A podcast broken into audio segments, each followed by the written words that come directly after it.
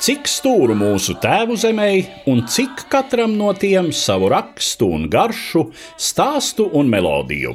Raidījumu ciklā Stūru stūriem es, Eduards Liniņš, pieskaros Latvijas vēsturisko zemju un kultūru vēsturisko teritoriju identitātei sarunās ar šīs identitātes zinātājiem un kopējiem.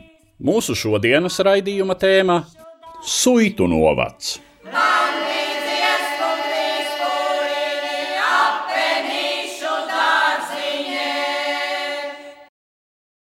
Labdien, cienījamie klausītāji!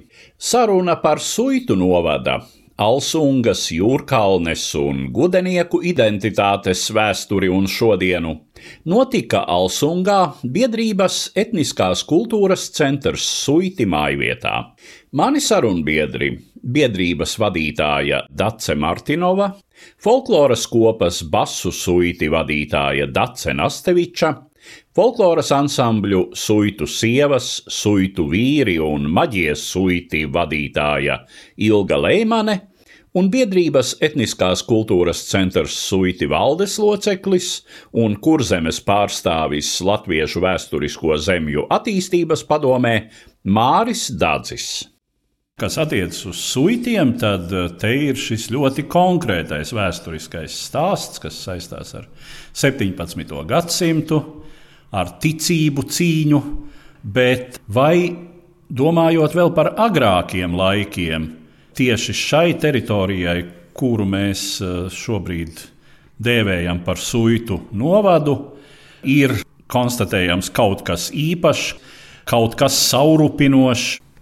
Ja runā par šo kurzemes vidusdaļu, tad eh, noteikti Pirms švērina laikiem šo teritoriju var saukt par robežu sadursmei divām kultūrām, lībiskajai un kursiskajai. Un līdz ar to mūsu suitu un kultūras īpatnības veido šo kultūru ietekme gan lībisko, gan arī kursisko, un tas tā vēsturiski ir veidojies. Par to ir minēts daudzkārt rakstos un vēsturnieku pētījumos, un izzinot arī arheoloģiskos tērpus. Šo tendenci, jeb iezīmes var ļoti pamanīt. Un ļoti pamanāms tas arī ir suitu izloksnē, kad ir libiskā ietekme un kursiskā ietekme. Tātad vienā vēsturiskā suitu novadā, jeb etnogrāfiskā vai kultūra vēsturiskā, mēs dažādi lietojam šos terminus Mēs runājam par to, ka vienai daļai suitu novada ir šī kursiskā izloksnes ietekme, un otrai daļai vairāk lībiskā, tas, kas nāk no ventiņa puses. Līdz ar to, runājot par dziesmām, var manīt, ka katrā novada pusē vai pat nelielā ciematiņā, apdzīvotā vietā ir dažādu dziesmu variācijas. Un tās ir tās iezīmes, kas turpinās šobrīd un arī nākotnē. Runājot par šo konkrēto vēstures stāstu, tas ir 17. gadsimts, tas ir kurzemes hercogu valsts laiks. Vai mēs varam atgādināt klausītājiem konkrētāk šo situāciju un šo notikumu gaitu? Kā tad šeit, tobrīd protestantiskā teritorijā, izveidojās tāds katoļu anklāvs, uz kura pamata tad veidojās šis suitu novads? Tas saistīts ar Alsungas pili, tagadējo mūru pili, jo par seno koku pili, kas ir bijusi uz Dižgabala kalna, mums ir praktiski ziņu nav. Mēs pat nezinām viņa īsto nosaukumu, bet centrs ir tieši pilskalns. Nu, blakus ir būvēts šī saucamā labības pilsēta kurai nav bijis viens īpašnieks, bet tā ir gājusi no rokas rokā, pārpirkta, un katrs kaut ko mēģinājis pārbūvēt un darīt. Šverina dzimta tur ir sākusi dzīvot jau no 17. gadsimta sākuma, un stingri Luteri. Bet viens no dēliem, kā jau mūžnieka dzimtā, kalpoja armijā, poļu armijā, nu, un poļi ir stingri katoļi, lai tiktu pie savas dzīves mīlestības, apprecētos ar augstu stāvošu poļu dāmu. Viņa bija obligātais noteikums pieņemt katoļu ticību pašam, un pēc tam, atgriežoties šeit dzimtenē, ieviest to savā dzimtas īpašumā. Tātad visi cilvēki, kas piederēja pie viņa saimniecībām, visiem bija jābūt katoļiem. Nu, kaut kas līdzīgs kā hercogam Jēkabam uzstādīja ultimātu. Jā, ja viņš grib būt hercogs, viņam jāuzbūvē ar katoļu baznīcas un, un, un jāatbalsta ir katoļu ticība. Johans Panšverins varēja atgriezties tikai pēc tēva nāves, jo tēvs kategoriski noliedz šādu pārmaiņas un vispār dēlu pāriešanu katoļu ticībā. Nu, un tad šī katoļošana sākās. Kā bija, mēs tur nebijām klāt, mēs varam tikai spriest. Maiga tā nebija, labprātīga tā nebija. Godīgi sakot, vienkāršiem cilvēkiem, kas strādāja zemes darbus, meža darbus, lauka darbus un zvejas darbus. Viņam bija pilnīgi vienalga, kāds mācītājs ir uz kancels, kā tos sauc, vai par katoļu, vai par luterāņu. Tiem pašiem cilvēkiem man liekas, ka tā arī nebija nekādas saprašanas. Jo pamatā viss tajā laikā ir latīņu valodā, Jo tajā laikā vēl ar vienu bija tas variants, ja tu daudz lasīsi Bībeli, tu sajūgs prātā. Arī latviskās Bībeles, cik šeit uz laukiem varēja būt, tas, tas bija ļoti minimāli. Droši vien, ja mēs domājam par 17. gadsimta pirmo pusi, tad var pieņemt, ka lielāko tiesu jau mūsu senči arī šajā pusē piekopa sentēvu tikumus. Pamatticība, nu un tā kungu ticība patiešām bija tobrīd vēl eh, kaut kas vairāk dekoratīvs. Bet eh, cik ir saglabājies teiksim, kādos nostāstos, arī rakstos par to, kādas ir bijušas šīs suitu kopienas attiecības ar apkārtējiem novadiem, cik bieži bija gadījumi, kad precējās varbūt ar uh, cita novada un attiecīgi citas ticības cilvēkiem, tirgošanās. Nu, ir šis arī populāros avotos atrodamais apgalvojums, ka Suitu novadam sevišķi pirmais gadsimts, apmēram no 17. gadsimta vidus līdz 18. gadsimta vidum, bija pat izteikts panīkuma laiks, jo tika sarauti kaut kādi sakari, kas droši vien bija nevis latviešu, bet luterticīgo vācu muiznieku iniciatīva nu, šādā veidā izolēt šos katoļticīgos. Tieši par to aktīvo karošanu. Vispār ir leģenda par to, ka Šverins, pārvedot visus savus iedzīvotājus, citā ticībā piespiedu viņus pārdiekties. Tātad, lai varētu atšķirt, kurš jau ir katolis un kurš nav katolis, viņiem it kā esot spiests vilkt citādākas strēmas kas tā laika Eiropas tradīcijai visnotaļ atbilda. Vēsturiskās kostīmu filmās, kur mēs redzam franču hugenotus, viscaur melnā ar baltajām apaklēm, piemēram. Nu, lielākās kaujas jau bija tieši šo apģērbu dēļ, uz kādas robežas. Kad uh, cilvēki brauc uz tirgu vai, vai vienkārši kaut kur ārā, tad uz uh, robežām, kur šādi apģērbi vairs nebija tik pieņemti, nu, tā, tā lielā kacināšanās ļoti bieži beidzās ar kaušanos. Uh, Bet eh, to, kad Sovietu saviem spožiem bruņķiem un melnie vīri, kā kraukļi, tie bija redzami pa gabalu. Bet runa iet par to, kā varēja šeit sadzīvot, ka šeit ir neliels katoļu tāds stūris. Tad jāsaka tā, ka šeit līdz pat milzīgam procentam sapārojās radinieki. Jo ļoti daudz neriskēja iet ārā no sava novada un šī savstarpējās radniecības jaukšana diezgan bija jūtama. Ir pat leģenda par to, kā ādas pusē, nu, tur, kur tagad ir tikai lauki, bija sava veida, to, ko sauc par muļķu ciemu, kur bija tik tālu saradojušies, ka nu jau vairs pat nevarēja normāli runāt. Bet eh, nenoliedzami, ka mīlestība nav robežas. Un, lai katolis varētu apprecēties ar Lutānu, bija iet pie prāvesta. Prāvests tālāk rakstīja biskupam lūgumu. Un vajadzēja biskupa atļauju, un pēc tam šiem cilvēkiem, kas gribēja veidot ģimeni, bija jāraksta solījums, ka es obligāti pārēju katoļu ticībā un savus bērnus audzināšu kā katoļus. Un tādu lūgumu ir ļoti daudz. Tā kā nevar teikt, ka ir bijis kaut kāds robežs. Ja gribēja kārtot, visu varēja nokārtot. Es tikai gribētu piebilst vēl pētot tos baznīcas rakstus, kur bija laulības un kristības, kas atradās mūsu baznīcas augšā bēniņos, kas man ļoti, ļoti pārsteidz. No 1770. gada, kā tur ir tie pirmie pieraksti, kad ārkārtīgi daudz te bija citautieši. Vai tas ir saistīts ar mēra laikiem, un es to tā arī pieļauju, ka tas varētu arī būt ar to, eh, jo lielais eh, mērs gāja pāri. Un kāpēc mums te tik ļoti, ļoti daudz gan ungāri, gan poļi, gan vācieši, vārds sakot, te viss kaut kas ir. Tā saradošanās bija ne tikai suits ar suitu, bet uh, saradošanās bija ar uh, citautiešiem arī dzani. Un tad tur nāca pat pie tāda secinājuma, ka tāpēc suits ir gan garā, gan miesā stiprs, ka tur nav tikai tās radu asins, kur saradojās brālis ar brāli, varbūt vai brālēns ar māsīcu un tā tālāk. Bet ar citautiešiem, ar zviedriem, ar, ar visu ko, un tā arī nostiprinājas to, ka suits ir gana stiprs veselībā.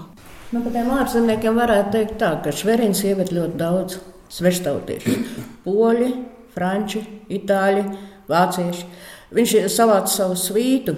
Tajā laikā, es, cik es saprotu, šeit bija ārprātīga nabadzība, bet katrai mājai, katrai saimniecībai uzspieda vēl izmitināt pāris ārzemniekus. Nu, un, protams, mājās dzīvojot, noteikti saradojās, par valodu es nezinu, bet dziedāja noteikti, spēlēja noteikti.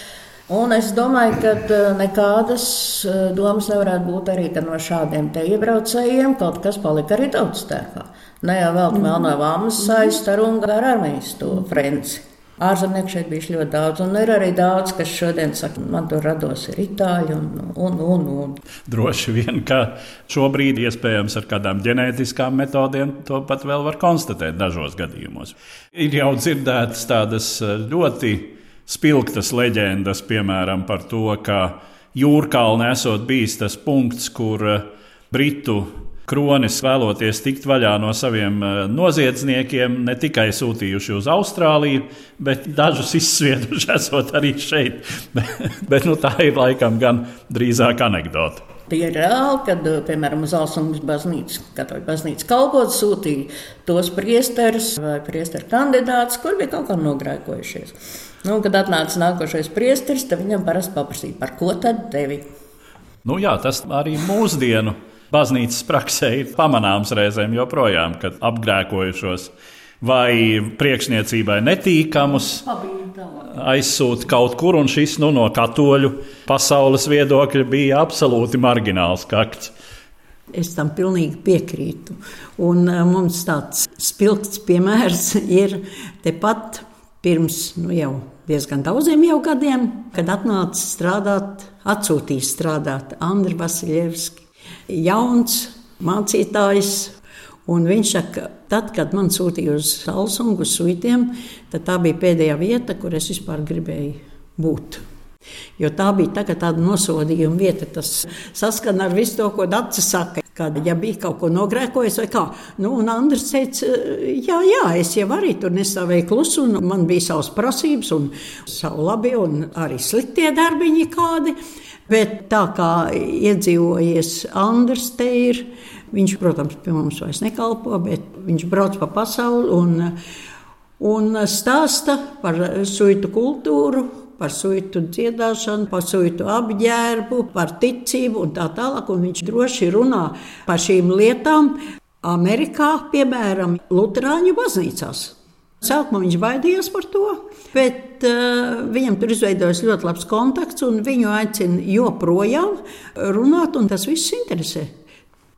Ja mēs runājam par teiksim, 19. gadsimta otro pusi, par laiku, kas saistās jau ar latviešu nacionālās pašapziņas veidošanos. Kāds tajā brīdī ir šis uh, novads, ko mēs par to varam teikt? Ko es varu uzreiz pieminēt par 19. Eh, gadsimta vidus, jau 1850. gadiem. Tas ir tāds laika nogrieznis, kad šajā pusē ienāk un, un valkā tos košos suitu bruņķus. Tieši tās košās krāsas, rūtēnas, vilēns pamazām ienāk mūsu apģērbā un ikdienā. Un tas noteikti arī iezīmē tieši tā suitu kultūra vēsturiskā novadā tādas nozīmīgas pazīmes. Nenoliedzami jāsaka arī tas, ka visai šai izolētībai un baznīcai kā galvenai visu dzīves noteicēja negatīvais variants, ka šeit suitos bija milzīgs procents analfabētismu. Milzīgs. Jo normāls suits ar izglītību, ko tu darīsi, kā tu maizi nopelnīsi zemi, tu neuzvārs un gotu neizslāpes. Tātad ir ārkārtīgi maz to cilvēku, kas riskēja un gāja kaut kur mācīties. Nu, un par folkloru jāsaka, ka 18. gadsimta vidus. Bišķiņi pirms jau ir tas, ka šeit jau ir pirmās tautas dziesmas pierakstītas, un 1841. gadā Bitners savā krājumā jau vairāk kā 60 dziesmas no sovietiem jau publicē. Nu, tā kā folkloras ziņā jau nu, šī puse tiek novērtēta no līdzi.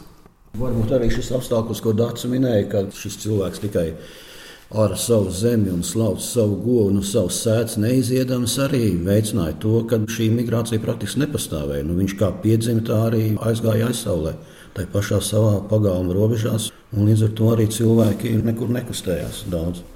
Te var teikt, ka, ja skatās uz citām Latvijas vietām un pieredzi, tad nu, kur tā lasīt prasme visātrāk un visplašāk ieviesās. Un bija nu, pārsteidzoši liela jau 20. gadsimta sākumā. Nu, Tātad tie ir brāļu draugu, hernhūtiešu novadi. Tur lasīt un rakstīt prata gandrīz visi, bet folkloras tikpat kā nav. Jo to savukārt uzskatīja par niekalbību. Nē, dziesmas. Jā, nu, šeit ir tieši pretējais. Šeit bija uh, jēzuīti, lai gan diezgan strīdās par viņu darbību, ja, jo jēzuīti nāca ar izglītības programmu. Bet izrādās, ka šeit nekāds liels panākums neguva. Jā, bija klosteri, tātad Jurkānai bija brīvā konfesija, kas staigāja savās drēbēs. Šeit Alsungā, ja es nemaldos, klūģos bija klostera variants, un tā kā nebija ko vilkt mugurā, tad sievas savus košās bruņķus pārkarās vai melnus. Kliņģos. Kā kliņģos. pārkarās vai melnus, un šobrīd tērpa pētnieki nevar saprast, oi, suiti, melnie tērpi. Tad pamatā ir nu, baznīcas variants. Bet tātad tas, ko mēs šobrīd pazīstam kā suitu novada tautas tērpu, nu, tas ir radies 19. gadsimta vidū. Ar dažiem izņēmumiem, jo atsevišķas detaļas ir bezgalīgi daudz reizes senāks par to tērpu, kas ir virspusē. Piemēram, krekls, rauceņa krekls, tas ir simt punkti no kaut kāda iepriekšējā tērpa. Par krāsām runājot, tad, kad jau minēja šīs ķīmiskās krāsas, ir 18. Gadsimta vidus kad parādās tikai, bet pamatā jau viss ir brūnais, dabiskās krāsas. Ja, brūnais un mēļais. Mēļais, mēļais un zaļais. Eh, nav ka dabiskās krāsas, ko vispār cilvēks var dabūt. Tā kā es domāju, ka tērps kā tāds pētīts tiks ilgi un vēl atradumu būs daudz. Jo es tagad daudzas dziesmās atrodu tik daudz interesantus faktus, tādas knifiņas, ko pat tērpu saka. Kad to visu uzliks uz sietu un atradīs to kopsaucēju, tur vēl daudz interesants lietas būs. Jā, nu, no arheoloģijas suitiem nāk līdzi, kas ir uzskatām, ko mēs lietojam, ir mēlene, kurā ir izšūta ar metāla važiņām un spirālītēm. Un tas ir viens no tādiem. Jā, bet viņš ir liecīgs. Nu, tas nav, tas vairāk ir kurzemē, Ventspilī raksturīgs, kuldīgs pusē. Un, Un ķoniņiem arī. Nē, nu jā, viņš, jā. Nav, viņš nav tikai mūsu, jā, viņam ir daudz lielāks tāds jā, bet, nu, tā ir tā liecība no arheoloģiskā. Nu, tās ir saktiņas, jā, gan derības saktiņas, gan mazās burbuļu saktas, kas ir arī arheoloģisko turpinājums. Kā ir ar um, suitu arī ļoti spilgto dziedāšanas tradīciju, kur tās īpatnības ir cēlušās? Kur saknes, kas to lai zina? Bet nekas jau nerodās tukšā vietā. Tas nozīmē, ka kaut kas mantojas no tālās senatnes. Es noteikti gandrīz varu apgalvot, ka tā kā mēs te tagad dziedam, tā senatne nedziedāja. Tie dziedājumi bija daudz, daudz vienkāršāki, daudz primitīvāki un skaistāki. Arī var strīdēties, jo mēs to nezinām. Nu, piemēram, ne, nu, eh, to veco to daudzbalsību, nu, burzānu priekšteci, jā, saucamo ēdziedājumu. Bendors Vils vēl uz trešo gadu tūkstoti. Tas var būt no aizlaikiem. Tā kā mums tiesības nav teikt, ka mūsu senči dziedājas prostāk par mums. Nē, nē, ne par to, bet vispār jau tie pētījumi, gan Pāvils pētījis, gan eh, pats eh, Vils Bendorfs ir daudz darījis šajā jomā. Bet cik es atradu arī viens pierakstus no Mārtiņu Boiko, kad Latvijā pirmais burdona pieraksts ir 1630. Eh, gadi. Nav norāde, kurā vietā tas ir, bet tie pirmie burdoni pieraksti. Jā. Viņš jau ir ārkārtīgi stabils un nu, jau jā. gatava vērtība. Jā. Kā kurā novadā ko pieņem un ko nepieņem. Tas ir savādāk, tas jau cits temats ir. Un uh, vienā vairāk varbūt patīk eh, ziņas, piemēram, Latvijā patīk daudzbalsība un ar tādu virsbalsīm, un, kas ir ārkārtīgi skaisti un grezni. Mums tas uh, liekas Netik svarīgi, mums ir svarīgi tomēr tas, ka mums ir tie burdona veidi, un mēs tos lietojam līdz šai dienai, kur ir saknes tam visam, kāds suitos ienāca burdons. Man nav nekādu pierādījumu, bet eh, tā ir mūsu lieta, tie ir mūsu burdoni, un mēs viņus tiešām ar godu nesam tālāk. Ar šo motīvu par nelielu lasīt pretēju procentu un eh, droši vien tādu joprojām ne to spožāko materiālo situāciju saist arī to, ka Suitu novads ir bijis samērā aktīvs. 5. gadā, ka no šejienes ir nākuši daži labi 19. gada padomju republikas, respektīvi Stučkas Latvijas cīnītāji un tam līdzīgi kas gan nav, jāsaka, atkal droši vien eh, ne tuvu unikāli un, un var atrast, nerunājot par lielajām pilsētām, bet nu, arī daudz kur citur, protams. Nu, es domāju, ka šī iezīme parāda to, ka uh, suiti ir bijuši drosmīgi un vēlējušies kaut kādas pārmaiņas un saskatījuši tajā to iespēju. Taisn par to es arī tā šad un tad piedomāju, jo man pavisam netālos rados ir tādi gadījumi, kad uh, nepakļaujas vietējai varai un atbalstīs kaut kādas trakas idejas vai kaut kā. Nu, viens no tādiem gadījumiem ir mans vecais tēvs, kuram nedēļu alsungas. Vai Alšvangas pagastā nedēļa zemi, lai paplašinātu savu teritoriju. Viņš ar kājām aizgāja uz Pēterburgu taisnību meklēt. Un viņš dabūja to taisnību. Un taisnība ir tāda, ka tā iedeva lejā pļavās zemi, kur galīgi neauglīgi un tā tālāk, un atņēma vietējiem pa strīpiņai atņēma to zemi, un viņš dabūja tādu skaistu iesauku, jau mīzenes. Tu tā kā mīzene uzlīd uz fonda zemes. 20. gadsimta sākums ir arī tas brīdis, kad suitu novads kļūst pamanāms visā Latvijā ar savu spilgto īpatnību, kas šķiet etnogrāfiem, folkloristiem īsta zelta bedre. Un uh, suiti ir, uh, es teiktu, atpazītākais, visiem zināmākais. Un tas ir jau apmēram simts gadus vecs fenomens. Nu jā, nu 1930. gadi tiešām iezīmējās ļoti spilgti tieši suitu folkloras ziņā. Suiti aizbrauc uz Stokholmu, uz folkloriādi. Tiek uzņemta pirmā skaņu filma Dzimtenes sauc vai Kāzas Sausungā, kas ir Latvijas pirmā skaņu filma režisors eh, Aleksandrs Rusteičs. Lielākā daļa suitu ir aktieri, tikai divi galvenās lomas atveidotāji ir profesionāli aktieri. Suitus ved uz Rīgu un ieraksta un dokumentē suitu folkloras materiālu.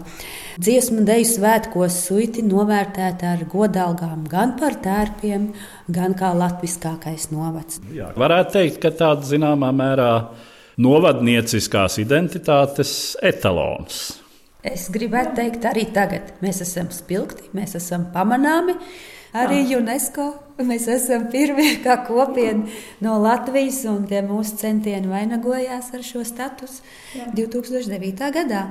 Mēs cenšamies to savu bagātību saglabāt, nofiksēt, un lai viņa pēc iespējas kvalitatīvāk un plašāk paliek arī nākamām paudzēm. Ja? Ja, nu, tagad ir vismilzīgākais jautājums, vai nākamās paudzes dziedās? To ir grūti pateikt. Es ļoti ceru, ka kaut kad sāksies atkal kādi atmodas laiki. Kaut kam ir jābūt citādākam nekā tas ir patreiz, jo tā kustība, kas notiek patreiz, tā ir uz pagastu izmiršanu. Atkal pretsats ir tam, ka tie, kas te ir palikuši, tie darbojas ārkārtīgi aktīvi. Bet Tik varam secināt, ka ar visu šo kustību, tā ir Latvijas kustība, arī paliek iedzīvotāji ar vien mazāk. Un, ja tā tas turpināsies, tad ēnu sazina, kāds būs vispār Latvijas liktenis. Nerunāsim par suitiem. Senāk dzīvoja trīs paudzes kopā. Pārmantošana notika vienkārši dabiskā ceļā. Tagad vecāki, vecāki, jaunā ģimene dzīvo katrs atsevišķi. Pārmantošanas process nevar notikt dabisks. Diemžēl jāsaka, gribam mēs to vai negribam. Nu, ir skaidrs tas, ka mēs šajā brīdī dzīvojam globalizācijas laikmetā ar, ar sevišķi intensīvu dzīves ritmu, ar visām tām tehnoloģijām, kas ir pieejamas katrā ģimenē un katrā paudzē. Nu, varbūt tajā intensīvajā dzīves ritmā šām kultūra vēsturiskajām vērtībām vienkārši nu, cilvēkiem vairs nesanāk laika pievērsties. Un gan mūsu, gan arī nākamās paudzes galvenais uzdevums būtu šajās kultūra vēsturiskajās vērtībās saskatīt iespēju to visu arī izmantot un izdzīvot. Un līdz ar to arī palikt šeit uz vietas. Tad mēs varam runāt gan par māju ražošanu, gan par amatniecību, gan par to, lai šīs ģimenes, kas to visu prastu, izmantot un attīstīt, varētu šo savu ģimeni pabarot, neaizbraucot no šejienes prom. Kas tad varētu būt tas mūsdienās aktuālais, citiem interesantais, ko Suitu novads var piedāvāt? Es domāju, ka suita šīs savas vērtības, kā iespēju, ir diezgan labi apzinājušies un arī cenšas tās attīstīt. Sākot jau ar to, ka atzima suitu tautas starp darināšana, atzima suitu skābmais cepšana. Tā ir reāla biznesa iespēja. Tāpat arī runājot par kultūras piedāvājumu, ko piedāvā etnogrāfiskie un folkloras ansambļi, uzņemot turisma grupas, Mairažošana, amatniecība un kultūra turisms tās ir tādas trīs pamatnozars, kurās mēs cenšamies strādāt. Tas nav viegli, bet uh, lielākajai daļai tas izdodas tīri labi. Protams, arī aktīvi izmantojam dažādas interaktīvās uh, lietas. Alsungā ir viedais ciems, pirmais un starptautiskais Latvijā. Mēs lepojamies to, ka atkal suiti ir kā pirmā ots. Es domāju, ka etniskais kultūras centrs dara bezgala lielu darbu, apkopojot materiālus. Vienalga, vai tā ir aušana, vai tā ir dziedāšana, vai tie ir eh, vietvārdi, vai tie ir suitu danči.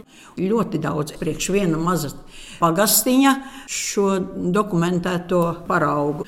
Un tad, kad uh, dziedam un tiekamies ar turistiem, un tā tikšanās iznāk ļoti daudz.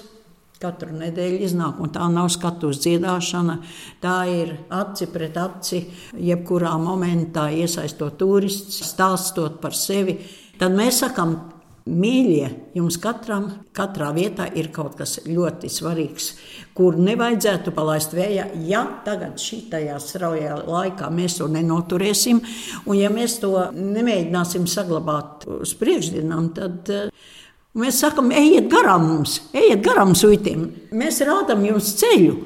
Jo mēs esam Latvijas daļiņa. Mēs neesam tikai suiti kā tādi. Mēs esam mūsu mīļā zemītes daļiņa. Bagāta, mācieties no mums un dariet labas lietas un nepalaist garām to, ko vēl var saglabāt. Līdz ar to izskan mana saruna ar suitu novada identitātes kopējiem. Etniskās kultūras centrā Suiti Alsungā tikos ar kultūras centra vadītāju Daci Martinovu, folkloras kopas basu suiti vadītāju Daci Nasteviču, Folkloras ansambļu suitu sievas, suitu vīri un maģie suiti vadītāju Ilgu Leimani un biedrības etniskās kultūras centrs suiti valdes locekli un kurzemes pārstāvi Latviešu vēsturisko zemju attīstības padomē Māri Dadzi. Uzredzēšanos cienījamie klausītāji!